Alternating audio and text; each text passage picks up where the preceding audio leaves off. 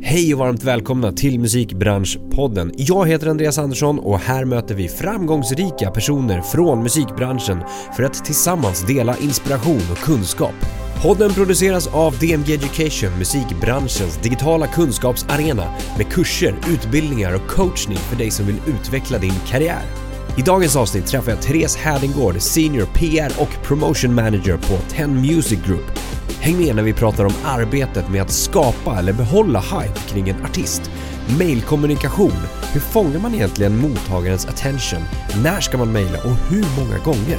Vi pratar även om det grymma initiativet Her Songs for Him, Therese dagliga jobb på Ten och såklart en massa grymma tips. Välkomna! Therese Hädingård, välkommen till Musikbranschpodden. Tack så jättemycket, kul att vara här. Mår du bra? Jättebra. Ja, vad bra, det känns som det. Det är måndag morgon, du har startat dagen med massa möten sa du. Ja men exakt, det blev en sån här, jobbade till 02 i natt och sen mm. så direkt inkastade lite härliga Zoom-möten för att stämma av vad som ska kartläggas och färdigställas under veckan typ. Mm. Så ledsen att jag var lite sen. Ehm, Ingen ja. fara. nu sitter vi här. Ja. Men är det så, blir det mycket, just, är det din roll som det blir mycket möten med eller är det överlag så? Eh, just när det gäller bolaget eller när man jobbar med artister och så? Alltså kombinerat. Jag tror i min eh, tjänst som vi säkert kommer gå mer in på är det väldigt flexibelt. Vissa mm. dagar så sitter jag bara i en taxi fram och tillbaka känns det som och mm. åker runt med artisterna och springer på alla möjliga grejer. Medan den andra dagen kan bara vara möten och sen tredje dagen så sitter jag bara på kontoret och gör utlägg och andas och planerar typ. Ja, ja men en riktig mix av alla möjliga olika saker. Strategiskt arbete, förverkligande mm. av de aktiva liksom, genomförandena av eh, aktiviteterna, vad det ska vara, uppföljning ja, kanske. Men vi kommer in på det. Ja. PR, promotion, ja. ska vi snacka mer om. Och vi pratade om det också, det är ganska flexibelt och ni har kommit tillbaka lite efter pandemihållet på TEN. Eh, ja. Och börjat jobba lite kontor, lite flexibelt, lite hemma. Det är kanske Exakt. från tjänst till tjänst också som du nämnde. Ja men precis, vi är ju, idag på TEN är vi sju anställda. Innan pandemin var vi 13 eller 14 om jag minns rätt. Mm. Men så att det är vissa, till exempel de som jobbar mer med det digitala och kanske sitter mycket med HR och avtal. Mm. De, de sitter ju vid sin dator och har jobbat hemifrån i ett och ett halvt år. Medan jag har kanske en, två sådana dagar i veckan. Sen mm. är det liksom ut på jobb och mm, produktioner och åka runt på radio och tv och vad det nu kan vara liksom. Eh, så det är, väl, det är väl jag och min närmsta kollega Olivia som är de som flänger. Eh, de andra är väl lite mer stationära så att säga. Mm. Trivs du att flänga då? Ja, än så länge ja. älskar jag det. Okay. Och jag, jag, tror att eh, jag var också liksom, jag är gammal krogis och jobbat i restaurang i tio år. Mm. Och när jag skulle in, jag har alltid haft ett så här brinnande intresse för musikbranschen och tyckte att ja, men det händer så mycket och jag älskar musik och älskar konserter.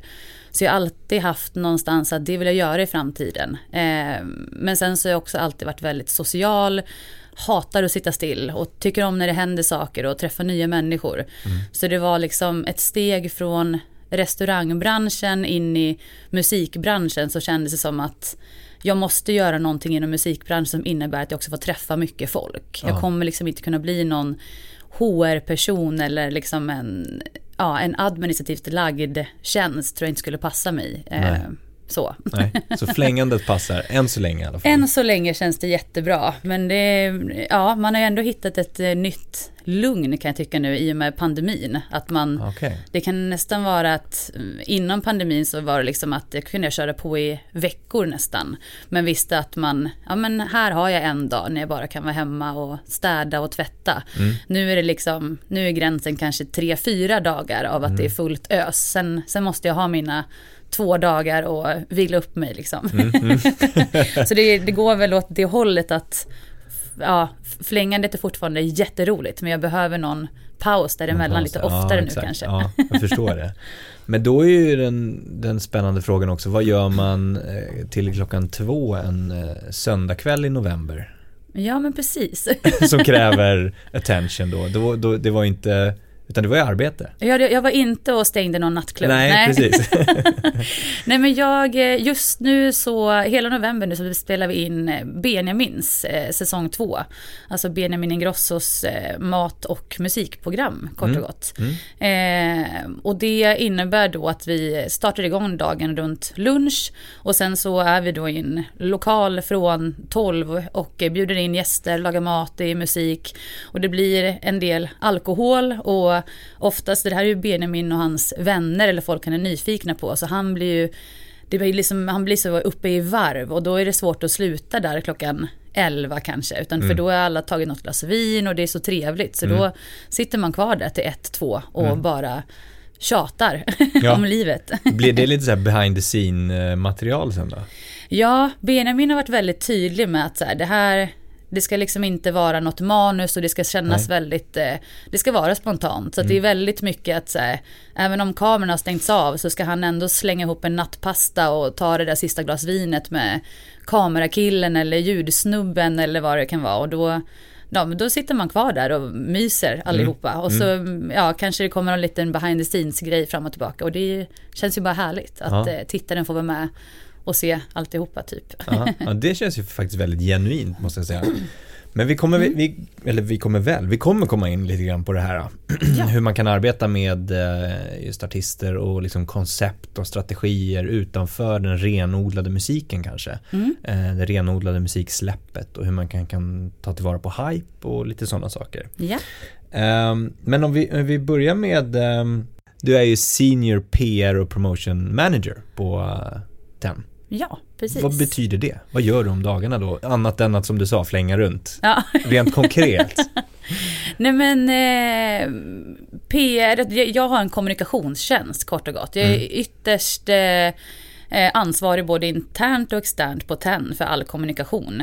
Eh, och eh, innan pandemin så hade vi också en till tjej som jobbade i PR-teamet så då blev det bara tydligt att sätta en senior-titel fram, framför min mm. PR-promotion. Men PR promotion kort och gott, jag sköter all kommunikation eh, internt på företaget och eh, från våra artister och utåt kort och mm. gott.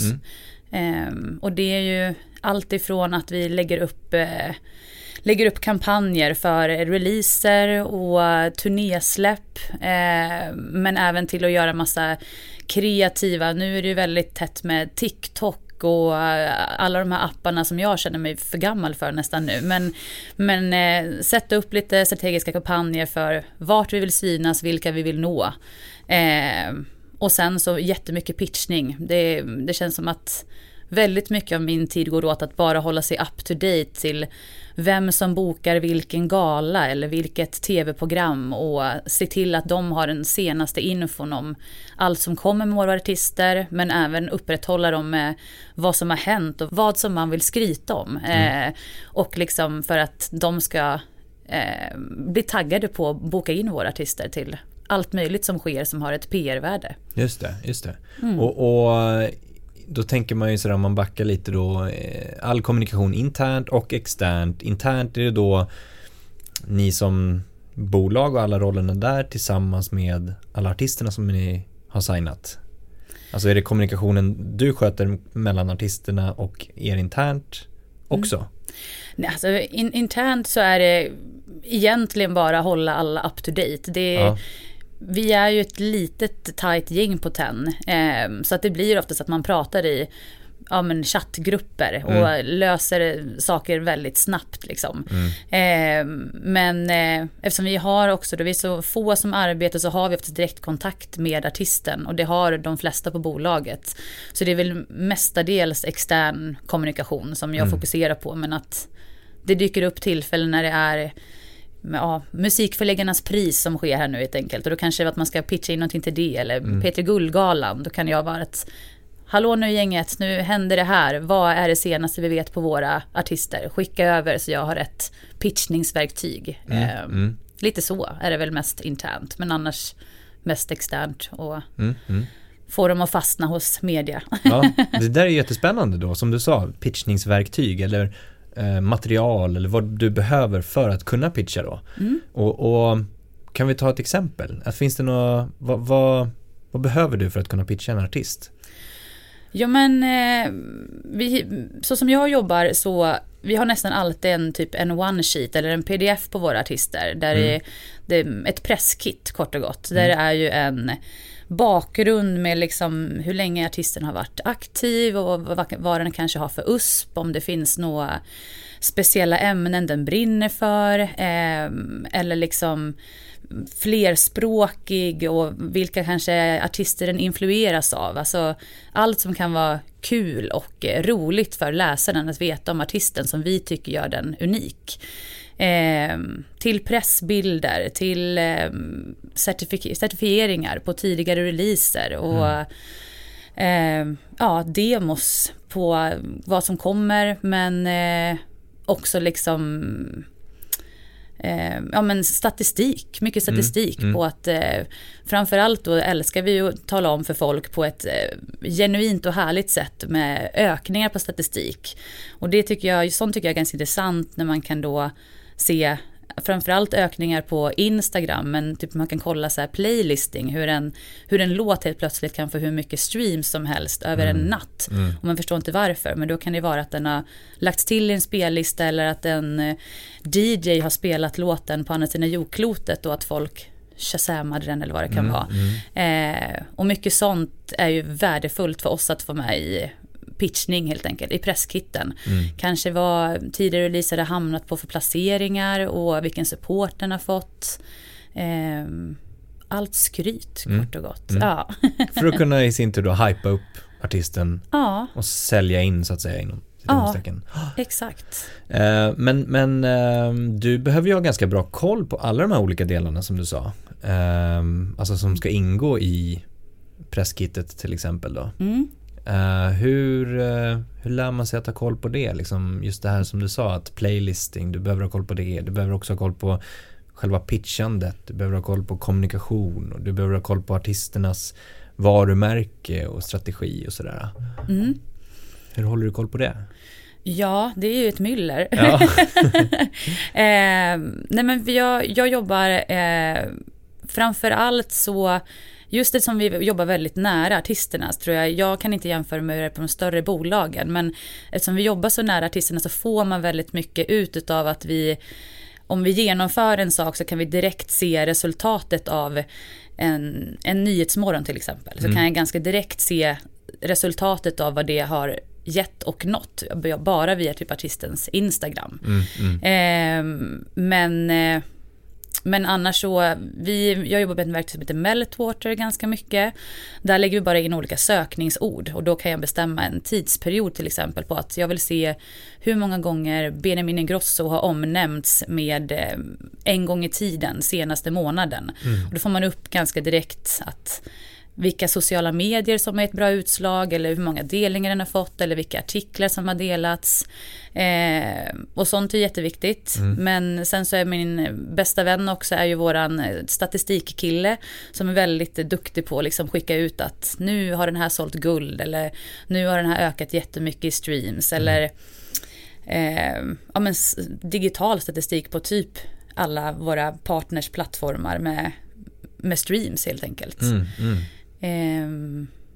ja, för det, det handlar väl mycket om att liksom sammanställa statistik på något sätt också eftersom allt, alla siffror finns ju där mm. digitalt. Eh, även omnämnanden alltså blir ju en slags eh, statistik. Ja men exakt. Och också att analysera den för att ta rätt beslut framåt sen då kanske. Ja men precis.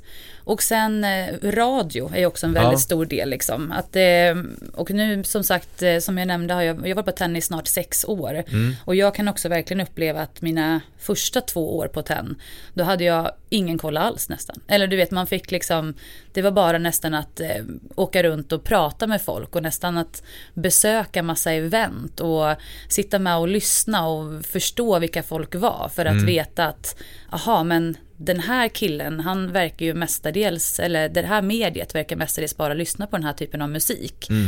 Och i och med det kanske avgör att då kanske inte är värt för mig att pitcha en viss typ av artist vi jobbar med och den genren till just det, det mediet. Mm.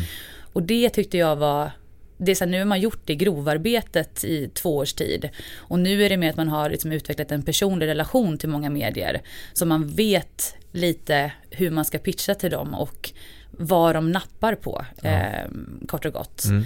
Eh, och sen då liksom radio, alla listor på radio, Svensktoppen och man ser vilken tid låtar spelas på radio. Ser man ju också ganska mycket på eh, ja, alltså hur, hur, vi kan också jobba till att den här låten tror vi jättestarkt på. Mm. Men den innehåller till exempel ett, en svordom. Ja. Då är det Ja, då kan man ganska lätt se där på att vi kanske måste ta fram en version som inte håller en svordom. För att då kan den lättare komma in på radiostationen. Mm. Ehm, och det är jag alltså fortfarande, jag lär mig nya saker varje dag känns det som på att så här, jaha, det här tänkte inte jag på att man kunde göra på det här sättet. Och, eh, det, är, det är ett myller liksom. Mm. Men, och jag men, tror i långa loppet så är det liksom att lära känna sin läsare och ve ja. veta hur, vem, vem som går igång på vad. Liksom. Mm, mm. Eh, så man inte sitter och skickar samma, samma mail med tio olika artister till varenda medie som finns. För då, då tappar du ganska lätt förtroende hos din, den du försöker nå. Ja. Eh, på att du har pitchat fel till exempel. Att, eh, ja. Ja, det blir jättesvårt nästa gång också. Ja, att, precis. Att, att, och då, det blir svårt att lyfta något som du verkligen tror på då mm. om du har kanske levererat fem grejer som det här mediet och inte tycker är intressant. Mm. Eh, eller liksom inte kanske har lyft det på samma sätt. Mm. Eh, ja. Så att det, de här två åren som du pratar om, det är ett jättegrundarbete för att möjliggöra för att ditt arbete idag ska bli så bra som möjligt för din egen skull också. Och, och, och låta dig ta den tiden också. Ja men det är absolut, verkligen. Och jag, eh, jag brukar typ säga det att min, min väg in på TEN var att jag började som praktikant. Och då var jag liksom, jag gör vad som helst. Alltså det, mm. mitt första projekt var att jag skulle, jag skulle hjälpa Nick and the Dove med sitt eh, album Everybody's Heart Is Broken Now. Och de är fantastiska att jobba med och hade sån tydlig vision på hur grejer skulle se ut. Men mitt, min, min liksom, mitt jobb då var att jag skulle ta fram smycken till ett artwork och det, det skulle vara röda lackskor till en musikvideo. Mm. Och liksom bland de första grejerna jag gjorde var att jag stod sent en kväll och spraylackerade ett par skor som skulle vara med i musikvideo och blev liksom hög så att jag nästan tuppade av det på balkongen. Och det var liksom, men det lärde jag ju mig från att så här, ja, alltså du vet de här små problemlösningarna liksom. Mm. Eh, men det var liksom, efter det så, men det var projektledning på TEN och assisterade mycket av projektledarna där. Och sen så var det min chef Ola Håkansson som sa kort och gott att vi, vi behöver någon som fokuserar enbart på PR och promotion. Mm. Och då räckte jag upp handen och sa, gud vad kul, det skulle jag vilja testa. Mm. Eh, och då hade vi en tjej som heter Sandra Nordin, eh, som är enligt mig ett eh, PR, ett av Sveriges duktigaste, eller hon är en av Sveriges duktigaste PR-personer. Och då hade vi henne som konsultade på TEN. Mm. Och, eh, så hon tog mig lite under sina vingar och så här, lär känna de här personerna. Hon gav mig liksom lite lister. Mm. Och skriv till dem på det här sättet och presentera dig och vad du kommer att kunna hjälpa dem med i framtiden. Mm. Eh, så jag fick väl lite en ginväg skulle man väl kunna säga. Men det är typ tack vare henne som man hittade de här rätta kontakterna och sen utifrån det så har man byggt mer och mer till att nu, nu, nu har de lärt känna mig mm. eh, på så sätt. Mm. Ja. Mycket bra väg att gå. Ja, man ska väl och, ha... Och nyfikenheten att räcka upp handen där också. Ja, men exakt. Alltså den är ju jätteviktig.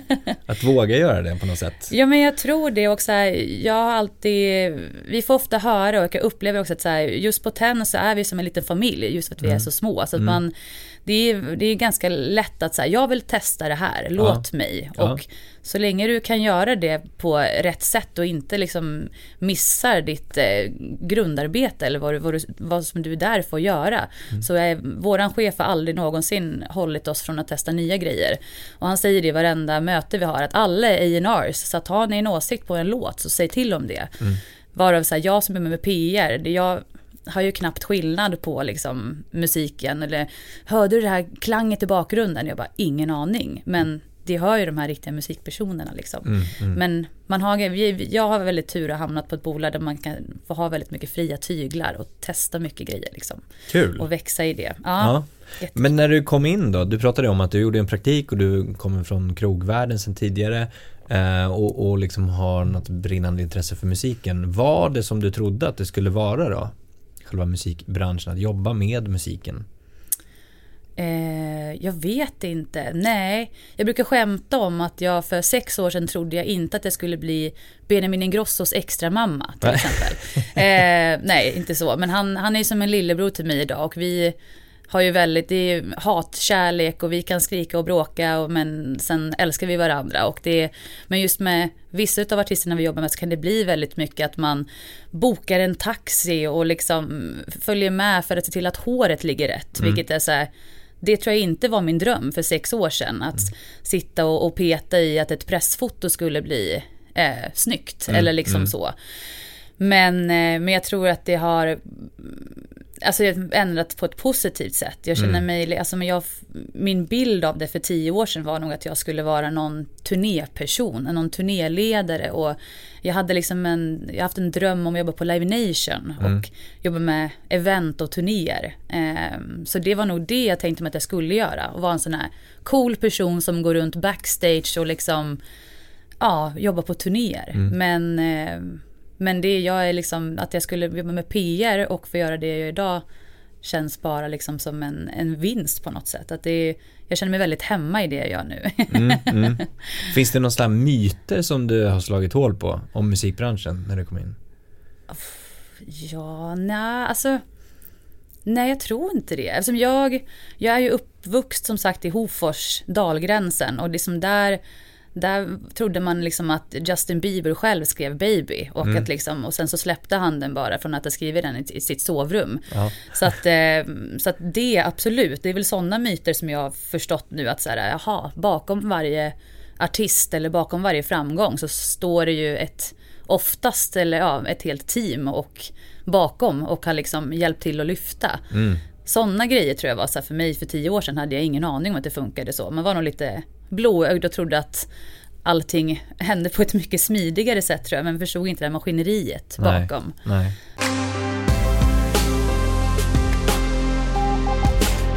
Ska vi gå in och, och prata lite om liksom det ni gör då på TEN och mm. det du gör. Vi har pratat om det lite grann, men ni mm. representerar mm. några av, av, Sveriges största artister idag. Mm. Eh, Benjamin, en av dem till exempel, Sara Larsson, det är många, många fler. Men mm. också mindre etablerade artister Ja. Har ni på er roster. um, men va, varför tror du att ni som ganska litet bolag har kunnat liksom vaska fram sådana här stora framgångar? Det är ganska mm. lit, små, med små resurser kan man väl nästan säga kanske. Mm. Alltså jag, jag tror att eh, som sagt, eftersom jag inte har varit på ett majorbolag så kan jag, jag har liksom inte riktigt någonting att jämföra med. Men, men min personliga bild av det hela tror jag är att TEN har alltid, deras, vår vision har alltid varit att hitta någon vi tror på här i Sverige. Mm. Etablera den för att sen skicka ut den internationellt. Och jag tror att det som det, den, den visionen blir att så här, det kommer ta många år. Man mm. tänker långsiktigt. Det har också alltid varit väldigt viktigt för TEN att signa artister som också skriver själva. Mm. Eh, jag tror inte att det är, eller det är få artister som vi har signat som inte skriver egna låtar också. Eller om inte annat så har de börjat skriva egna låtar. För att det, ja, det ska kännas genuint på något sätt. Man ska göra det man vill göra. Eh, så jag tror väl att jag vet inte, Ola Håkansson då, min, eh, en av delägarna och min chef, han är ju också gammal poplegend och idol. Så jag tror att så här, i och med hans bakgrund så tror jag att TEN också sitter på väldigt bra kontaktnät över hela världen. Och att vi har då en av delägarna som sitter i LA och liksom byggt upp ett kontaktnät där. Eh, det har ju garanterat de här större bolagen, de sitter ju i varenda land. Mm. Eh, men jag tror att vi har, vi har någon styrka i att vi signar artister som vi tror på när de är ganska unga. Mm. De är också skriver egna låtar, de skriver egna låtar till andra. Eh, vi låter det ta tid, vi lyssnar på artistens vision. Vi kanske försöker liksom att eh, in, absolut inte styra, men försöker på något sätt vägleda till att absolut, det är det här du vill göra, men vi kanske måste göra den här lilla omvägen tillsammans innan för att du ska nå dit. Mm. Eh, och det kommer ta tid. Mm. Eh, det är bara som Benjamin då tycker jag är ett ganska bra exempel att när han var 16-17 och kom upp på TEN så ville han bli låtskrivare. Mm. Men Ola var liksom den som sa, nej men du ska ju vara artist. Och det ville inte han. Men när han fick liksom det spelrummet och andrummet att göra det han ville ja. och inte liksom vara direkt skriven låt som ska göras i Melodifestivalen eller den ska liksom placeras någonstans för att, mm. för att du är den du är. Utan han fick göra sin egen grej. Så fick han liksom växa in i det. Och nu, fem år senare, det är väl nu han, han liksom känner att så det här är en milstolpe han har nått. Men det, det, tog fem år innan han liksom fick den där respekten som en folkkär artist. Liksom. Mm. Eh, och under den resan har han ju ändå fått sväva ut lite och släppa lite låtar och liksom, ja, bara liksom göra det han tycker är kul. Mm. Och inte bara tänka strategiskt. Nej. Och inte bara tänka att ja men den här låten kanske inte kommer funka i Tyskland, då borde du inte släppa den. Utan nej men okej, släpp den då. Men då måste vi ha en, en uppföljare, eller vi måste ha en plan direkt efteråt. För mm. att liksom hålla dig ständigt aktuell och växande liksom. Exakt. Eh. Men förstår artisterna det själva, att det tar tid? Eller är många så här, nej det måste vara en overnight success? Alltså jag tror det är väldigt individuellt. Jag tror också, jag tror att min, eh, ja men också min personliga åsikt på det kan vara att om en artist kommer, kommer in och får liksom guld och gröna skogar på en gång. Mm. Att det, det här är så jäkla bra, nu kör vi och vi ska åka dit och vi ska göra det här. Om, om den liksom lilla bubblan av att allt händer på en gång lite svalnar tror jag att det är väldigt, då är det nog väldigt svårt för en artist att acceptera att det, att det liksom kommer toppar och dalar. Mm. Eh, men är man liksom beredd från start att jobba hårt och se hur det växer och vara införstådd lite med att det blir, det kan dippa men sen så måste man bara jobba ännu hårdare för att det ska lyfta igen. Mm. Eh, är ni där och stöttar då artisterna och liksom förklarar hur det kan gå till och liksom försöka vägleda också på något sätt? Ja men det skulle jag absolut säga. Mm. Alltså vi, vi har ju, men vi har ju 14 signade artister i, eller vi hade det innan pandemin. Mm. Och sen eftersom vi fick varsla lite folk, tyvärr, så var det också många artister som sattes på paus. Mm. Och vi var liksom tvungna att fokusera på de som var väldigt aktuella där och då. Eh, och det var ju liksom, det är bara öppna kort som gäller.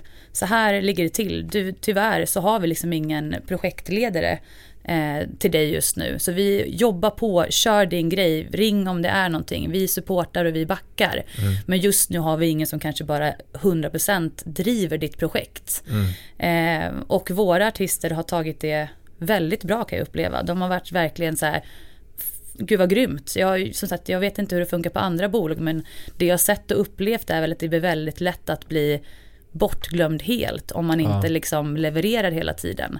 Mm. Eh, och det tror jag att hen har en vinning i att vi har vi har liksom den ja, lite mer familjära känslan. Det är alltid tillgång till studion där folk hänger hela tiden. Att folk kan alltid komma och jobba även om det inte är någonting aktuellt som sker just just nu. Liksom. Mm, mm. Eh, ja. För att känna att man är i ett större sammanhang också kanske och känna motivation till det. För det kan ju mm. vara ganska ensamt att vara kreatör eller artist eller låtskrivare, producent att bara eh, och speciellt inom pandemin, under pandemin nu också, att liksom producera på egen hand och att mm. ändå välkomna att sätta sig i ett större sammanhang och i ett stort team, även fast det inte aktivt aktivt jobbas med det projektet då så, mm. så ser man att det är någonting större runt omkring som man är en del av kanske. Ja men absolut, verkligen. Jag kan jag kommer på mig själv ibland att det är någon artist som jag inte har pratat med på veckor eller månader. Mm. Så vill man liksom skicka ett sms och bara hej hur är läget? Mm, Bara för att mm. man ja, det ska liksom fortfarande finnas den här familjära känslan även om man inte har något ja, aktuellt projekt på gång just där och då. Liksom. Um, Men om vi går in på lite så här hur, hur ni jobbar med artister. Det behöver inte vara ett, en specifik artist vi går igenom men ungefär. Eh, säg att en artist som redan är signad ska släppa ny musik. Mm. Vart någonstans börjar ni då? Om vi kopplar det lite till det du jobbar med ändå. Mm. Var, var börjar man någonstans att gräva? Eh, alltså jag, kort och gott först en, en låt. Ja, ja Nej, men det är mm, exakt, vi, vi sitter ju i våra team på TEN med A&Rsen och projektledarna och mig på PR. Mm. Och eh, lyssnar igenom låtar. Ofta, ofta så är det så här, jag, jag är den som får låten typ sist. För att mm. jag är som sagt inte någon musikperson i grunden. Så att all, många andras rösters, röster räknas eh, mer på hur man liksom kommer fram till den här låten, gillar vi, nu ska vi släppa den. Mm. Eh, och från det så sitter vi väl att nu har vi bestämt oss, vi siktar på det här datumet. Eh, jag sätter mig ner med artisten och teamet och lägger fram vad vi behöver. Vi behöver ett presskit som mm. jag gick igenom tidigare med uppdaterade bilder. Vi behöver en musikvideo. Vi behöver Eh, ett artwork. Vi eh, ja, behöver sätta upp någon sociala medier-kampanj och vilket datum ska vi gå ut med det här. Eh, och mitt arbete börjar väl egentligen när alla, när presskittet finns och när vi har mm. fått ett citat från artisten och när den har fått säga sitt, hur den vill synas och höras och vad den vill göra och inte göra. Mm. Eh, så sätter jag mig kort och gott och pitchar till alla medier vi tycker är relevanta. Skickar ut låten, ber om lite feedback kanske. Eh, tänker oftast och vill tänka långsiktigt, även om det är svårt ibland. Men att liksom den här låten ska släppas om en månad och om två månader sker den här galan. Ja, mm. men kan vi få fram kan vi få fram någonting bra? Hinner vi repa ihop ett nummer som ser snyggt ut så vi får jättebra tv-tid på tre minuter för den här låten? Mm. Eh, och sen är det väl liksom ja, sitta egentligen. Det, det, är väl det som är mitt det här administrativa, mer stillasittande jobbet. Mm. Det blir en dag när man bara sitter och mejlar ut information till folk och jagar folks feedback och kanske får tillbaka då från vissa att det här älskar vi, vi vill göra det här, vi vill hitta på det här tillsammans med er. Vara vissa kanske, nej tyvärr det här klingade inte rätt hos oss men kan vi göra någonting annat? Eller finns det någon version på låten? Mm. Eh, det är ganska vanligt nu att man eh, skickar ut en låt som folk är så här, vi vill jättegärna, vi gillar någonting med den, vi vet inte vad. Mm. Och då kan man skicka över låten så kan de remixa låten själv. Mm. Eh, hitta lite sådana vägar liksom. Just det, öppna upp för lite mer möjligheter. Ja men precis. Ja. Men hur kan sånt, jag tänker så här den här pitchningen som du pratar om, mm. är, det, är det vanligt att du behöver tjata ibland för att Absolut. Liksom få in. När, när känner du dig tjatig? Är det tredje mejlet, fjärde, tionde mejlet?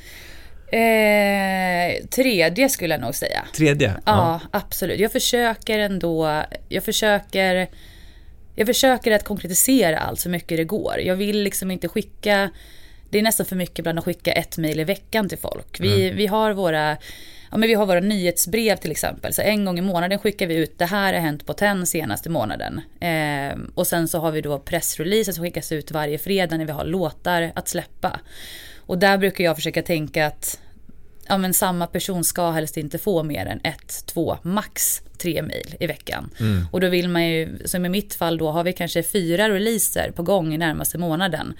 Då är det ju jättebra liksom att de ligger i samma mejl och att mm. man då kanske pekar ut vad som gör varje release unikt. Och liksom att, inte så att jag, jag är väldigt noga med att, att jag vill vi vill inte skryta och lägga, folk, äh, lägga ord i mun på folk. Jag vill, inte att, jag vill inte skriva en text som är att eh, som innehåller ordet hit till exempel. För att då har jag redan lagt i munnen på folk att det här är en hit. Men mm. om den personen inte tycker att det är en hit, då har jag typ misslyckats. Så, typ sådana smågrejer tycker jag är ganska viktiga. Att så här, man ska inte lägga ordet i mun på folk utan man ska vara så här, lite mer att man ska ifrågasätta att vad, vad tycker du? Det här mm. är min känsla på det hela. Eh, och sen då också som sagt ja, för, försöka att försöka då rikta också mejlen personligt till ja. varje person jag vill nå till. Det är också väldigt viktigt. Mm. Jag kan ju uppleva att jag, jag får också ganska många pitchningsmail till mig själv från mm. folk som mm. söker sig till TEN och gillar vad vi gör eller vill veta mer eller vill bli signade hos oss. Och det, det första, jag, jag kollar nästan knappt vidare på ett mejl som är Hej du! Och sen så går det direkt in på en matig brödtext och sen så är det en låtlänk. För mm. då så här, då är det ju inte personligen till Nej. mig. Utan då är det ju, då är det här ett massutskick till alla du vill ha kontakt med. Mm. Men däremot, hej Therese, gud jag har hållit koll på dig eller jag Exakt. har sett att du gör det här eller ja. jag är nyfiken på dig på grund av det här jag såg att du var involverad i. Då är det, jag svarar på varenda sånt mejl för att mm. då vet jag att det är riktat till mig personligen. Mm. Och det tycker jag också är viktigt i min egen pitchning att Självklart händer det flera gånger att jag sitter och är superstressad och verkligen bara måste påminna folk om att den här låten kommer ut om tre dagar eller om en vecka. Mm. Och då händer det absolut att jag är så här, hallå till något, någon mail och har jättemånga på kopia. Mm. Eh, för att liksom, de här måste bara få en påminnelse. Ja. Men då har jag oftast redan etablerat en personlig introduktion Exakt. på det, det jag hintar om eller det jag pitchar om. Ja, ja. Eh, för det, ja, man, man måste typ vara personlig och lära känna den man vill nå för att, Precis. för att veta vad som funkar. Ja. För det, ja, jag vet inte, det kanske du också kan uppleva eller så här, överlag när man har en relation till vilken människa den är så uppskattar man när det känns personligt. Ja, verkligen, verkligen. och det, alltså, så tror jag att det, ja så är det ju överallt i vardagen också. Ja. Eh, för alltså någonstans så handlar det ju om att du säljer in en, en artist mm. i ett sammanhang på något sätt. Eller en låt i ett sammanhang på något sätt. Mm. Uh, så att det är en slags försäljning på det sättet också. Men mm. du kommunicerar ju den för att det ska bli värde för kanske båda parterna. Till exempel. Exakt. Men, men eh, det här med att påminna är ju väldigt intressant. Jag, mm. jag älskar att, att bara eh, prata om så här, hur man kan kommunicera, hur man bör kommunicera typ mailmässigt då. Man har etablerat en personlig kontakt och har liksom skickat ut det här um, och sen så försöker man då få kontakt. Allt kan ju hända. En person kan ju ha annat att göra. Mm. Men jag vill ju få fram mitt budskap så jätte, jättegärna. Ja. Och det kan jag tänka mig att du också vill göra ibland. Och så får du inte svaret eller du liksom, det dröjer eller du får något svar. Du får inte svar på kanske det du mejlade om från första början heller. Mm. Alltså hur, hur brukar du påminna? Hur brukar själva mejlet se ut? Oh, vad svårt. Ja men det är också ja, väldigt, eh, väldigt olika. Ibland kan jag nästan bara typ vissa, vissa gånger ger man bara upp såklart. Ja. Och, så, och sitter och är lite provocerad. Det, det händer ju att man får ett, en, vad säger jag, en motgång såklart. Ja, ja. Eh, men jag brukar oftast eh, gud jag vet inte hur jag, jag är osäker på liksom hur jag, ja men har jag liksom inte fått den responsen jag tycker att jag förtjänar mm. så tror jag liksom, framförallt så oftast finns det ju flera personer på samma medie du mm. kan höra mm. av dig till. Mm. Eh, och det kan jag också säga, oftast när man eh, ska pitcha till någon så har jag min person där. Men mm. om jag inte får någon respons så finns det garanterat en annan person på samma bolag eller på samma ish eh, runt omkring den som man kanske kan Hej, jag försökte få tag på hen mm. eh, utan lycka. Kanske du kan hjälpa mig? Mm. La hen på CC här också. Mm. Eh, för det vet jag att personligen för mig själv, om jag får ett mail som jag tänker att det här behöver inte jag svara på nu. Mm. Men sen så ser jag att jag får ett mail till från samma person, min kollega på CC. Så blir det automatiskt lite att det brinner på en att så här, Exakt. Just ja, att ja. Eh, du måste agera på det här nu. Ja, mm. exakt. Mm. Och i vissa fall så, så här, just det här som jag sa om att man hade två, två år av att bara liksom springa på allt och försöka lokalisera hur eh, branschen funkar. Mm. Så eh, idag då har man ju, eller har jag ganska mycket många så personliga kontakter. Att så är det någon som jag inte har fått den responsen jag vill ha ifrån så kan jag också skicka ett sms. Mm. Eller du vet, mm. skriva på Instagram ibland. Att mm. bara, sorry, jag vet inte om du såg eller om du har fullt upp. Men jag vill bara tror verkligen att det här kan funka hos er på grund av mm. hojta om du har tid. Mm. Eh, och då blir det också som en reminder som är så här, shit förlåt, jag har sett det men jag har missat, återkommer. Exakt, exakt. Eh, men det är, det är en väldigt hårfin gräns. Ja. Eh, kan jag tycka. Alltså, det är väldigt, väldigt, eh, att, inte, att vi inte var den här tjatiga. Mm. Och jag brukar säga att man måste få i alla fall, man måste få en, en vecka på sig att svara på mm. saker. Mm. Eh, för jag kan också tycka, eller min personliga erfarenhet av att är det någon som har skickat ett mail till mig om att Hej Therese, vi vill göra det här samarbetet med den här artisten. Eh, ring upp mig om du har fler frågor. Om den personen skickar ett nytt mail dagen efter och dagen efter det och sen mm. också ringer mig tre gånger. Mm. Så är det nio fall av tio så är det automatiskt ett nej i mitt huvud. För att om du tjatar så mycket på mig att du måste få till det här så ja men det, det blir någon form av, inte så här dålig smak i munnen, men det kan bli lite så här Absolut, men om det var så viktigt för dig att få tag på mig de här tre dagarna mm. så förstår jag inte varför inte du kunde höra av dig för två veckor sedan och börja nysta in det här redan då. Att allting handlar också om ledtider lite. Ah. Att man, man kan inte pitcha i sista sekunden och förvänta sig svar utan det, det är liksom Vissa av de medlen jag försöker nå är ju som, de har ju ett halvårs ledtid. Mm. Som Peter Guldgalan till exempel som är i januari eller vad den är. De börjar ju liksom ta in pitchningar redan i augusti. Mm. Och liksom, då, då känns det inte lönt från mig till exempel att sitta och hetsa dem i december. Att bara, varför har ni inte svarat mig? För där kanske jag då har gjort fel med att inte börja höra av mig till dem redan i augusti-september. Exakt. Um, så det är, ja, det är en väldigt hårfin gräns också på att lära känna sin Ja, där man försöker, ja precis, och lära känna dens ledtider. Ja, exakt. Um, ja. Har, har, du, har du koll på när har du vissa dagar som är specifika bra dagar att höra av dig till? personer, alltså såhär här maildagar, så tisdag morgon då hamnar man högt upp i någons mailkorg efter den har börjat gå igenom eh, liksom förra veckans mail eller helgens mail under måndagen och så tisdag morgon då hamnar du högt upp. Ja men lite så faktiskt. Typ tisdag morgnar. Ja. Måndagar är oftast rätt sega. Yep. Och så här, äh, du kan skicka iväg ett mejl måndag eftermiddag så liksom ligger det också lite övers på tisdagen ja. förhoppningsvis. Men jag brukar tisdagar och onsdagar tycker mm. jag är de bästa dagarna. För mm. sen mm. torsdagar börjar alla liksom bara mata på exklusiva förhandslyssningar och eh, fredag så är det releaser. Mm. Så att, mm det är nästan aldrig jag skickar ett mail och checkar av saker eh, på liksom en torsdag, fredag. För Nej. att då är det så fullt upp med det som är aktuellt för releaserna på fredagen. Liksom. Ja, ja. Ja. Så, så du har egentligen men, ett fönster på liksom, två dagar nästan? Ja men typ. Per vecka. Och så liksom när man då har pratat med vissa, de är till exempel folk som har radiostationer till exempel. De, de har ju alltid sina uppspelsmöten på vad de mm, ska mm, lägga till eller vad, ja, vad de vill lyssna lite extra på. Det har de ju oftast på tisdagar och onsdagar. Så att det, är, det är så otroligt många gånger som jag har skickat ut nya releaser på en onsdag och så bara tack så mycket Therese men det här skulle vi ha behövt igår. Ja. Och man bara fasen också, jag vet det. Men, mm. men det är, varje gång så lär jag mig att så här, just ja, eh, den här radiosessionen ska ha sitt på senast på tisdag klockan 12. Ja, och de här räcker det för onsdag klockan 12. Mm, eller liksom, mm, mm. ja. ja, grymt. Det här är ju superintressant tycker jag. Ja. Alltså verkligen. Um, när, när det gäller liksom de här strategierna som ni lägger upp för släpp till exempel, ett låtsläpp eller så. Uh, skiljer det sig mellan etablerade artister och oetablerade artister? Ja, absolut. Det skulle jag, alltså det är ju, överlag så är det bara mycket, mycket enklare med ett namn som redan är etablerat. Ja. Att liksom, det krävs inte så mycket från mig för att få ett intresse tillbaka. Precis. Eh, så absolut. Kan Men, det ta längre eh, tid då med en oetablerad artist? Alltså att man behöver börja tidigare?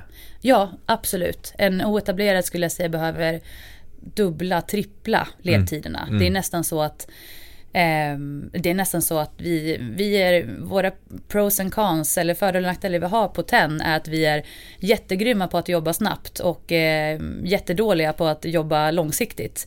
Samtidigt som vi också kan vara helt tvärtom ibland, att vi tänker att nej men vi ska inte göra någonting på ett halvår. Ja. Eh, men, men vill jag göra det här imorgon. Ja. Så det är så här, vi kan liksom, det är vår fördel och nackdel med att vara ett litet bolag. Mm. Eh, men som många av våra nya eller de här nya artisterna som vi har signat senaste åren, som de behöver längre ledtider och vi behöver sätta en plan för ett halvår för att liksom ständigt kunna påminna och även hitta de här små öppningarna och eh, till exempel då som nu när pandemin har varit, som många av de här live-giggen som har varit eh, digitalt, mm. så har det ju varit väldigt stor tillfrågan, eller väldigt stor förfrågan på etablerade artister. Men det har ju också gjort att så här, då kan man också sitta, inte deala sinsemellan, men det är också lättare att säga, ja men vi kan nog kolla på ett snyggt eh, en snygg öppning för den här artisten. Men då ser vi gärna också att ni öppnar upp ögonen för våra mindre etablerade. Mm. Eh, så kan man liksom få in dem lite på det sättet. Att man öppnar upp det större. Och eh, ja, jag vet inte. Det, det säger, jag tycker också att det är väldigt, eh, väldigt eh, jag tycker det är ganska svårt i de här i de oetablerade artisterna som vi har. Så är det ju fler, flera av dem som är ver verkligen så här, ganska mycket is i magen och de är så här, rätt införstådda med att saker och ting kommer att tid, mm. ta tid. Mm. Medan nästa kan vara så här, fick jag den där intervjun imorgon? Och då är det så här, ja, nej, men vi, vi jobbar på och till, till nästa gång liksom. Mm. Eh, dock det som jag upplever är stor skillnad på etablerade artister och oetablerade är ju att de etablerade artisterna vi har är ju liksom ganska självgående, de har koll på saker och ting och varit med ett tag. Eh, vilket gör att de också kan slappna av lite på oss, för de vet vad de kan förvänta sig ja, av oss som skivbolag. Ja.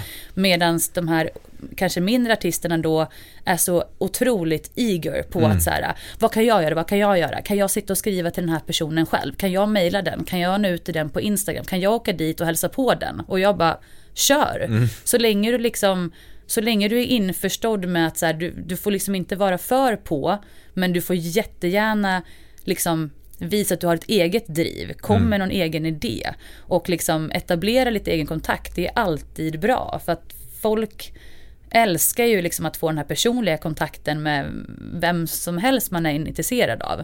Och det kan jag verkligen uppskatta. Att jag tror att så här, många oetablerade artister har senaste åren också fattat att man kan göra så jäkla mycket själv. Ja, ja. Att så här, bara för att man skriver på med ett skivbolag så kan man liksom luta sig tillbaka och tänka att nu är det klart. Mm.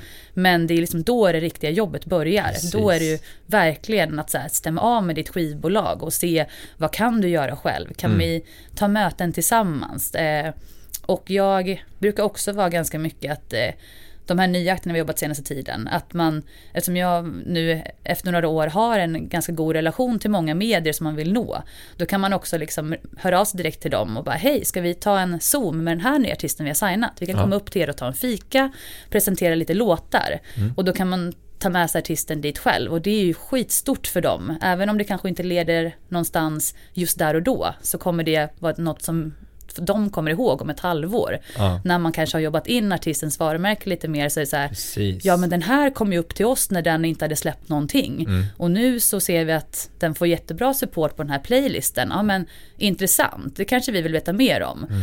Och liksom... Ja, vi börjar plantera frön lite här ja, och var också. Exakt. Och just i det långsiktiga då, att ha is i magen och förstå sig på det. Och, mm. och gentemot artisterna som du sa, att då blir det en ganska att visa på att här, vi, vi gör det här, vi jobbar på det. Eh, och sen mm. den förståelsen att det tar lång tid. Det är ju kanonbra verkligen. Mm. Jag tänker på det här med att etablera, alltså ni, om, vi, om vi tar Benjamin som ett exempel igen då. Mm. Eh, att eh, till exempel så var ju han med i Så mycket bättre. Ja. Eh, och efter det så har det ju egentligen fortsatt också. Mm. Alltså hypen och att han syns har ju fortsatt. Hur hade ni den liksom planen redan från början att spinna vidare på hypen från Så mycket bättre eller hur jobbar man med sådana saker? Eh, nej men jag vill, vill minnas det som så här, hela den typ eran var att Benjamin fick frågan om mig Så mycket bättre och han sa ja, fan vad kul, vi gör det. Mm. Eh, och liksom la all tid och kraft på att det här skulle bli liksom superbra låtar och han skulle liksom verkligen så här, nu är det liksom upp till bevis, typ så. Mm. Två veckor innan ringer han mig och säger, innan han ska till Gotland, så bara, nej men jag kan inte göra det här, vi måste hoppa av. Och jag du vet, va? Liksom, vad, vad, håller du på med? Och det var liksom också så att, som att skivbolaget var så här, nej men Benjamin kommer dra sig ur. Mm. Och jag kommer ihåg att jag ringde till alla och liksom, är ni helt dumma i huvudet? Ungefär så. För att det är så här, vi, vi har skrivit på ett avtal, då han ska åka och sända om två veckor. Det här är bara liksom, det här är liksom, det är lite nervositet som kommer nu. Mm. Så vi pratade med Benjamin och han var liksom, ja men okej, men det blir bra, det blir bra. Vi bara, ja, det är skitbra låtar, vad tror du liksom? Mm. Så han åkte dit, ringde liksom dag två och sa att det här, det här är det bästa han någonsin har gjort. Han mm. bara, det här, det här är bästa dagen i hela mitt liv liksom.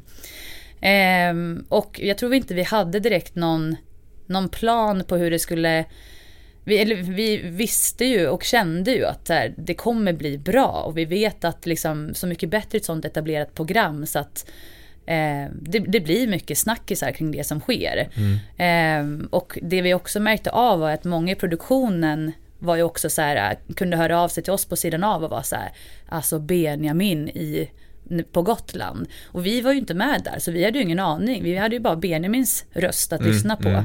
Men när man, man fattade ju ganska snabbt att aha, men Benjamin gjorde verkligen någonting rikt, riktigt eh, bra på, alltså under den här perioden.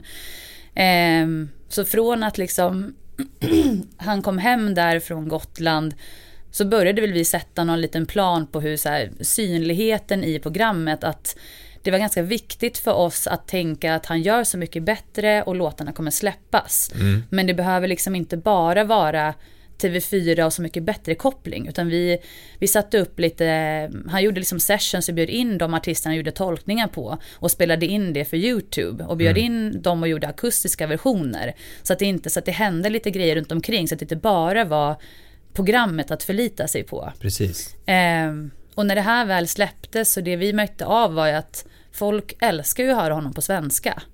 Eh, så att det blev ganska snabbt när Så mycket bättre var färdigsänt. Så var det alltså Benjamin själv som hade en engelsk platta klar och vi skulle släppa den eh, början här på året. Men, men sen så blev det liksom att han, det var så, han fick så bra respons på att sjunga på svenska. Mm. Och hade ju då ett album klart på svenska. Eh, och han sa, ska vi inte släppa det istället? Och vi sa, ja, varför inte? Så mm. det blev väldigt spontant, men också så här, det var väldigt självklart.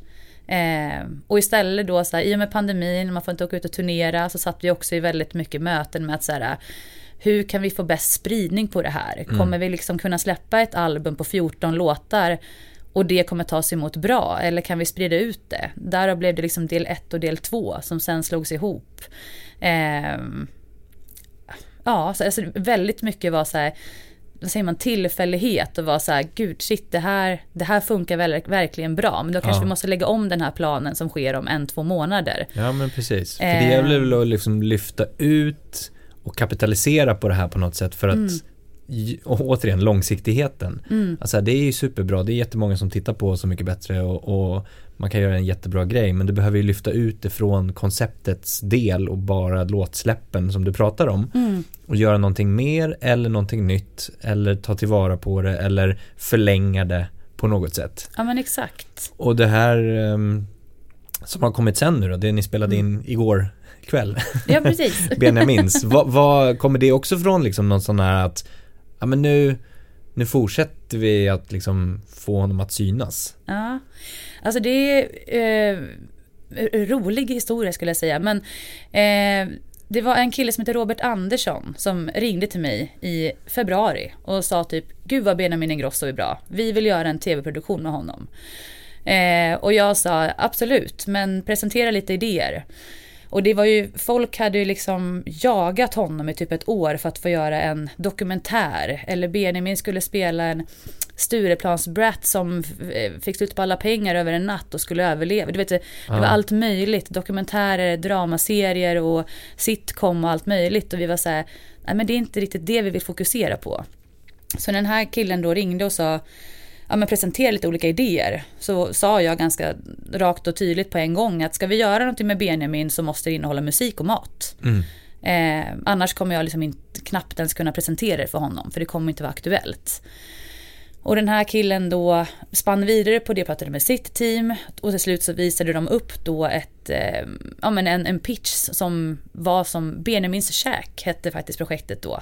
Och vi, ja vi satt i möten, jag och dem och jag var så här, men twista till det här lite, formulera det så här.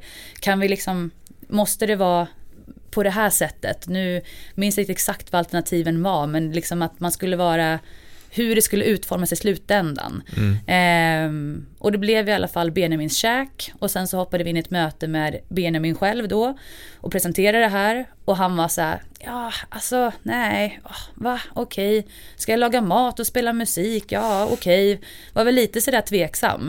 Eh, men sen när han då träffade gänget igen och de var så här, hur vill du göra det? Och då hans, han älskar ju att kolla på YouTube-videos på hur man lagar pasta och allt möjligt. Så han var så här, men jag får göra det på mitt sätt med att det är mycket fokus på sådana här vinklar och att kamerateamet får komma in och äta ibland. Att det är, mm. Jag vill inte ha någon manus. Folk ska inte komma dit och sätta sig över bordet och berätta en snyfthistoria. Mm. Utan man gör det om man vill, men det ska vara kul. Mm. Eh, och de tillmötesgick oss på det i princip och var så här, det låter skitroligt, vi mm. kör på det. Eh, och sen så hade vi ett möte och Benjamin var bara ja, ja, ja, ja.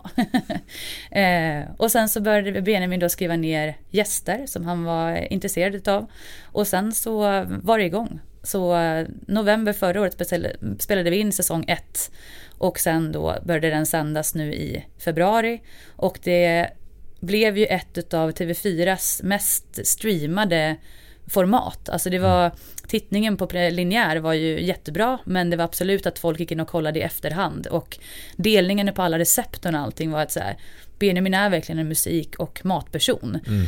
Folk hade inte kanske sett innan att han kan så mycket om mat, att han är liksom sjukligt dedikerad till att laga sin pasta. Mm. Och han är ju också väldigt eh, humoristisk, så att det är liksom det mottogs väldigt bra så att nu blir det också då en säsong två. Mm, det är ett praktexempel på att liksom visa på hur man kan alltså bygga brand runt en artist. Ja. Mer än bara musiken. Absolut. På någonting som är ett genuint intresse mm. och någonting som man verkligen gillar. Ja, och det jag vet att folk också produktionen då som vi gör det här med, det var ju också många av de som hade varit med på Så mycket bättre. Ah. Så att när, liksom, när det här skulle dras igång så var ju de också så här, Ja, att det är så här, de här tydliga övergångarna på att någon ska laga en pasta och sen sätta sig och spela, ett, eh, alltså spela lite musik. Att det, det kan ibland kännas lite krystat. Ja. Och de var lite tveksamma på övergångarna där och var så här, ja det får ju liksom inte, det måste kännas genuint och bra. Mm. Och sen var det liksom som att de bara, men var det någon som kollade på Så mycket bättre? Alltså, mm. se nu Benjamin är där. För mm. det är liksom, mm.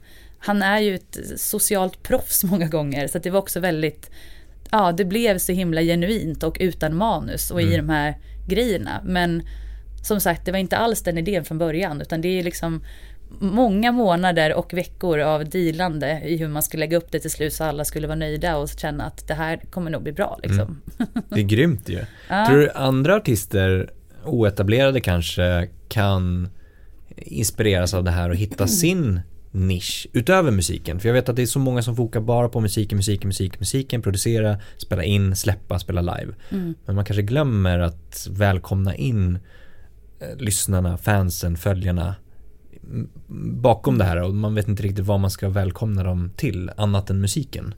Nej, just det. Alltså jag, jag tror absolut, det känns ju som att eh, när, när, när jag växte upp eller när man var ung då kunde man ju inte ha den här personliga relationen Nej, till exakt. sina idoler som man har idag. Och jag brukar säga till våra artister ganska ofta att det, självklart vill man att ni ska få streams. Det är det ni tjänar pengar på. Det är det som ni liksom bokas till turnéer på. Det är det som är grejen. Det är det man vill åt. Men för att liksom få, man måste också vara, tror jag, ganska Eh, man, må, man, måste typ vara, koppla samman med någonting mer än musiken för att det ska bli mer intressant. Mm. Självklart så liksom musiken i sig är det stora hela men har man då en USP att man brinner för ett ämne, man kanske har en jättestark åsikt inom feminism eller om eh, bränsleupproret tänkte jag säga. Nej, men, mm, ja. Och liksom, det är ju också sånt som folk eh, känner att de kan vara delaktiga i. Att man delar mer än att man bara gillar en låt Exakt. av artisten. Ja. Så det uppmanar jag ofta till att så här, dela med er av intressen. Mm. Som kan, men alltså, samtidigt får det inte kännas för privat. Och man, man vill ju också ha en integritet som artist. Eh, så det är också en väldigt så här, hårfin gräns på hur mycket man vill dela med sig av eller hur lite. Mm. Men jag tror ju absolut på att man ska hitta något, något form av intresse som är mer än musiken som man kan koppla samman till det. Att mm. det, det är något som folk gillar och folk vill ha det här personliga liksom. Ja, ja men exakt. är ni någonting och vägleder eller eh, vad ska man säga? Eh, kommer med åsikter kring hur artisterna ska föra sig på sociala medier till exempel? Nej, ingenting. Verkligen. Alltså vi, det är ibland som, eh, ja men om vi har gjort något samarbete kanske, som mm. att det är så här, då måste den här grejen postas. Ja, precis. Eh, men annars så är vi, ja, vi har typ ingenting med det att göra eh, faktiskt. Vi eh, kan gå in ibland och bara, det vore bra om du repostade det här. Eller mm. lägg upp om att du gjorde det här. Men det de delar med sig av är liksom helt upp till dem och bara, ja, de kör på med sina grejer.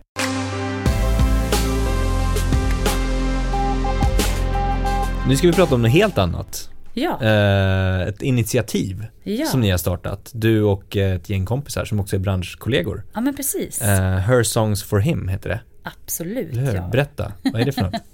eh, ja men kort och gott, jag drar en liten background story på ja. oss, eh, SLAS kallar vi oss för. Exakt. Eh, otroligt osexigt eh, gruppnamn, men det grundar sig i att vi är sex tjejer som faktiskt jobbade alla samtidigt på TEN mm. för ja, fem, sex år sedan. Och eh, vi hade kommit hem, eller vid dagen efter Grammisgalan så var vi alla lite bakfulla och skulle, skulle liksom beställa, göra någon beställning. Och ena tjejen där kunde inte säga att hon ville, hon kunde inte säga sla, eh, slash. Så hon sa bara slash, slash, slash. Och då sa vi, men det här är ju, det här var ju kul, en kul felsägning. Och vi sex tjejer då hängde väldigt mycket. Vi var ute och mycket event tillsammans. Och sen blev det som att folk runt omkring oss var så här, ja men gud, är det släsisarna som kommer? Är det, mm. ja, tjena släs, att det blev liksom någon sägning på oss. Och eh, i och med det så gjorde vi en Instagram för att det var lite kul att vi kallade oss för släs. Och vi var på lite resor tillsammans och träffade lite branschfolk. Eh, och så blev liksom det här släs blev något begrepp som våran tjejgrupp. Eh, och en av tjejerna där är eh, Mona eh, Agaiberg som jobbar på RMV. Och hon var delaktig i ett initiativ som heter She Rights. Som är då kvinnor och icke-binära som skriver för kvinnor och icke-binära. Eh, ett otroligt viktigt initiativ i en otroligt mansdominerad bransch som vi är i. Eh, och hon tyckte att det var sjukt kul och givande och hon är verkligen en sån som brinner för eh, jämställdhet, vilket vi alla gör, men hennes spin-off på att hon hade varit med i det här She Rights flera gånger var att vi kanske, det här startades då i London om jag minns rätt. Men då sa hon att vi borde göra någonting eget här i Sverige. Eh, och i och med då att vi är ett tjejgäng som idag jobbar på konkurrerande bolag. En är på Sony, två är på TEN, en är på Spotify, en är frilans och Sony och RMV, exakt, Mona mm, på RMV. Mm. Det är liksom konkurrerande bolag. Så uh, tycker också att alla att det är ganska coolt att vi fortfarande kan göra att vi är så pass tajta fast vi är konkurrenter kort och gott. Eh, men då var det Mona som över en vinkväll typ sa att kan vi inte göra någonting eget tillsammans? Vore inte det skitcoolt? Och vi bara ja, absolut. Och så satt vi där och spann vidare på att vi borde kanske starta ett camp. Att det, det, problemet idag är oftast att kvinnorna inte får chansen att komma in i de här stora rummen och i de här mansdominerade rummen. Det är väldigt vanligt att eh, framförallt etablerade artister men också nya att man sätter sig i ett rum med någon där man tror att det kan bli bra låtar eh, och så blir det en bra låt och då fastnar man där och mm. testar inte på så mycket nytt. Eh, och framförallt då de här tre tjejerna som är förlagsbaserade ser ju verkligen det här att det är så himla lätt att bli bekväm och jobba med de som man alltid har jobbat med. Och så har man svårt att ta in nya utifrån. Mm. Och då sa vi bara, men borde vi inte göra ett camp där det är kvinnor och icke-binära som enbart skriver till manliga etablerade artister. Mm. Eh, för det har aldrig gjorts förut. Eh, och så spann vi vidare på det och folk var så här, ja, fan vad coolt, men ja, absolut. Eh, så i och med det så, ja, vi startade då alltså Släs kompisgänget och konceptet Her Songs som ska då vara fokuserat på kvinnliga låtskrivproducenter. Och första delen då är att de ska skriva till manliga etablerade artister, så Her Songs for Him. Eh, men det finns lite planer på kommande projekt också. Och det gör det? Eh, ja, det här, vi vill gärna se Kul. på det här som att det ska vara en återkommande grej ah. med olika fokus. Ah, Men det första nu då som kommer vara under vecka 46 kommer vi hålla till på RNB Studios. Och då har vi två kvinnor och en man i fem olika studios under eh, fem dagar. Som ska skriva låtar eh, och förhoppningsvis så målet är såklart att vi ska, att någon av de här låtarna ska släppas. Att vi ska liksom ja, släpps en låt utav de här som har gjort det här under det här campet så kommer vi vara supernöjda. Då har ni lyckats och, nå målet. Uh. Ja, men precis. Och skulle det vara så, vilket vi verkligen hoppas på, att de här, den här artisten och de här producenterna och låtskrivarna tar kontakt efteråt och mm. kanske sätter sig i ett rum efter man varit på det här campet. Så kommer det också vara ett, alltså det skulle kännas som en jättevinst. Mm. För det är just det vi vill komma åt, att man korsar lite liksom, eh, ja eller vad säger man, att eh, våga släppa in nytt folk, mm, mm. våga mm. satsa på, du kanske inte har hört så mycket om den här kvinnliga producenten och inte liksom riktigt, eh, ja men vet vad den är kapabel till att göra, men ge det en chans. Och mm. där vill vi då liksom öppna upp för att här får ni en chans och vi vet att det kommer bli så jäkla bra. Så att då mm, mm. vill vi gärna att de ska göra fler saker framöver. Ja, eh. ja men att normalisera de rummen mer också. Ja. Att liksom, och, och ge möjligheterna, liksom öppna upp och, och, och, och mer Exakt. liksom eh, Ja men som du säger, att inspirera andra kanske också till att göra det. Alltså andra artister, andra producenter, våga. Mm. Både våga från den kvinnliga eller icke-binära sidan att våga sätta sig i det rummet men också den manliga att våga ta in på något sätt. Ja men verkligen. Eh, men bra, för det var det jag tänkte också kolla så här mm. framåt. Vad, vad, hur, hur, kan man jobba för att bibehålla det här och liksom fortsätta skapa momentum på något sätt? Mm. Eh, men då har ni en plan, då kommer det mera.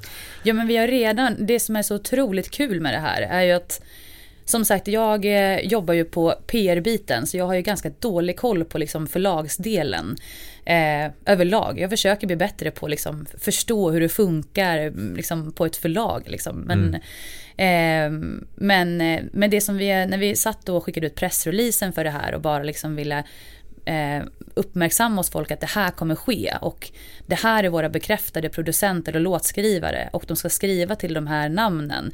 Så var det liksom alla våra, vi har ju våra bolag då Sony, RMV och TEN som backar oss. Och när vi berättade om det här var de så här, shit vad kul, eh, kör på, hur mycket, hur mycket vill ni ha från oss? Alltså mm. hur, vad kan vi hjälpa till med? Mm. Och alla som vi får kontaktat, alla andra bolag och de har varit så här, gud vad viktigt, säg till vad vi kan hjälpa till med. Eh, alla har bara varit peppade och positiva. Mm. Och det är jättemycket folk utifrån, även både utomlands och här i Sverige, som har skrivit och var Hej, här är, min, här är mina låtar, finns det en plats, kan jag få komma och skriva hos er? Mm. Eh, vilket är jättekul. För det, det är redan nu så har vi liksom en lista på folk som är intressanta för att de har sett om initiativet, vill vara delaktiga. Men nu är det tyvärr fullt inför då ja. det här som sker. Det börjar ju om en vecka idag. Ja. Ja. Eh, men så vet vi att så här, vi, vi har liksom vi kommer kunna göra ett till och det är jättekul att vi har fått så fin respons och att mm. folk vill vara en del av det liksom. Mm, mm. Det var superhäftigt ju, mm. verkligen.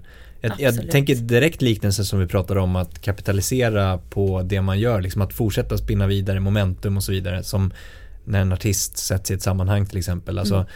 Att inte bara, för nu, det hypas ju nu, det, det gick ut lite artiklar här om veckan. Mm. Eh, och sen så genomförs det och jag kan tänka mig att liksom under genomförandet då kommer det hypas lite grann också men sen fortsätta efteråt, att det finns en plan för det. Ja men exakt. Eh, och då kommer ju själva produkterna utifrån campet att vara det som går att spinna vidare på också såklart. Mm.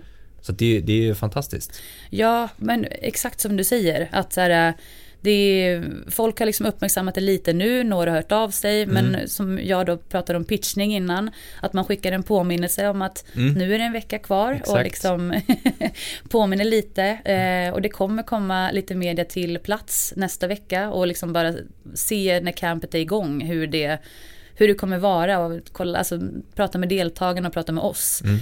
Och sen eh, som sagt ser vi ju verkligen jättegärna på att liksom när det är färdigt att, att folk är så här, okej okay, vad blir nästa steg? Mm. Eh, och eh, det som också känns jättekul är att de, många av deltagarna vi har, vi har med hos oss som är bekräftade har ju också blivit att de vill prata om det i sin tur. Exakt. Eh, att, eh, ja men till exempel när vi gick ut med Omar Rudberg, så jag vet inte, hans fans blev liksom galna och skrev hur mycket som helst. Bara, var kan vi se det här? Vad är det som händer? Vad kan vi göra? Mm. Eh, och då fick vi liksom gå in och svara på vad det var som gällde. Och utifrån det så blev det liksom en ring på vattnet. Att så här, okej, okay, wow, wow, gud vad han är bra som supportar det här. Och vad fin han är som är en del av det här. Mm. Eh, och det tycker vi också är skitkul att deltagarna i sig är så här, stolta mm. över att vara en del av det här. Liksom. Mm. Eh, jättekul. Kul, det ska bli superspännande att följa. Ja, verkligen. Lite nervös faktiskt. Det, ja. det kommer ju gå kanonbra tror jag. Ja, det är ett grymt gäng och eh, grym, grymma deltagare. Så mm. jag ja, längtar till nästa vecka med mm. nervositet. Ja. Härligt. Men du, om vi ska avsluta lite grann. Ja. vi ska prata, om du får prata till eh, lite oetablerade artister som kanske mm. inte riktigt har liksom kommit ut, de kanske har släppt någonting och sådär. Men um, om man ska släppa musik, vi har gått igenom det lite grann, mm. men om du får ge lite så tips, konkreta bara så här punktformat. Mm. Uh, vad bör du tänka på? Du har musiken, du har produkten där, du ska släppa den någon gång i framtiden. Vad bör du tänka på nu? Oh, gud vad svårt. Eh, jag tror att det är så här, det skiljer sig väldigt mycket som oetablerad artist om du, om du har ett skivbolag eller inte i ryggen såklart. Jag, jag är med i ganska mycket forum, eh, bland annat så musikgäris på eh, Facebook där det är kvinnor som är så jäkla grymma på att supporta varandra till att eh, de är inte signade någonstans, eller de flesta är inte signade någonstans. Men de går liksom in och börjar följa varandras listor, skickar ny musik till varandra, tipsar varandra om eh, vilka personer man kan höra av sig till och de pitchar, eller de tipsar varandra om alla bäckar små. Mm. Eh, och jag tror att det är så här, omge sig bland, alltså ha ett bra team behöver inte innebära att du har ett team som är ett skivbolag eller så, utan ett team kan vara din grymma kompis som råkar vara jäkligt bra på att eh, söka reda på liksom viktiga bloggar, hitta de här små loopholesen lite överallt liksom. Mm. Eh, jag tror ja, jätteviktigt att ha bra folk runt dig som liksom peppar och var liksom, jag tror också man ska vara ganska, man måste kunna be om feedback på saker och ting. Man måste kunna, man får inte vara feg för att testa sina vingar och du vet, ta emot feedback. Jag tror att det är väldigt eh, vanligt att man kanske liksom grottar ner sig lite i sitt projekt och att man liksom tycker att så här, det här ska jag göra, det här ska jag göra och sen man men, men när det väl tas emot så kanske man, det är vissa grejer man inte tänker på som kan inte slå fel, men att det är så här, man kommer fram till i efterhand att fasen det här borde jag tänkt på. Mm. Så jag tror att det är jättebra att ventilera i alltså, stora forum, hitta folk som du litar på och liksom ja, hitta folk som är kanske i samma sits som dig, som man kan liksom peppa och ta hjälp av varandra. Mm. Och jag upplever att det blir också mycket, mycket mer vanligt att så här, och framför allt för kvinnor i branschen. Det är så här, jag märker en jätte tydlig skillnad på för några år sedan när jag kom in i branschen och idag. Hur kvinnor lyfter varandra och delar saker på folk man inte ens känner. För att det är så himla viktigt att visa den här supporten och mm. till saker man tycker om och gillar. Liksom. Mm. Um, men också tror jag så här, man, det är ju en väldigt det är en väldigt eh, ytlig bransch många gånger.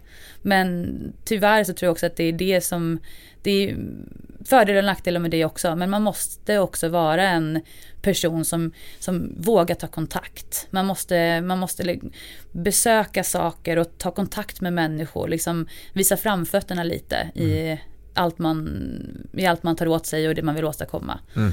Eh, ja, man får inte vara feg för att våga skicka runt saker eh, och liksom ja, prata om en styrkor mm. också. Mm. Väldigt viktigt. Att så här, inte lägga orden i mun på folk men bara det här är jag så jäkla bra på och jag tror att ni kommer tycka det på grund av liksom. Ja. Eh, ja. Bra. Armbåga sig lite på ett smidigt sätt. Typ. Snyggt. Jättebra. Tusen tack Therese för jättetrevligt samtal. Tack så jättemycket själv. Tack så jättemycket för att du har lyssnat på podden. Vi uppskattar det verkligen väldigt, väldigt mycket. Hör jättegärna av er till oss med era utmaningar. Vad står ni inför? Vad behöver ni hjälp med? Vi vill hjälpa er. Vi vill ta del av er resa. Hör av er till oss info at dmgeducation.se. Ha en fortsatt härlig dag.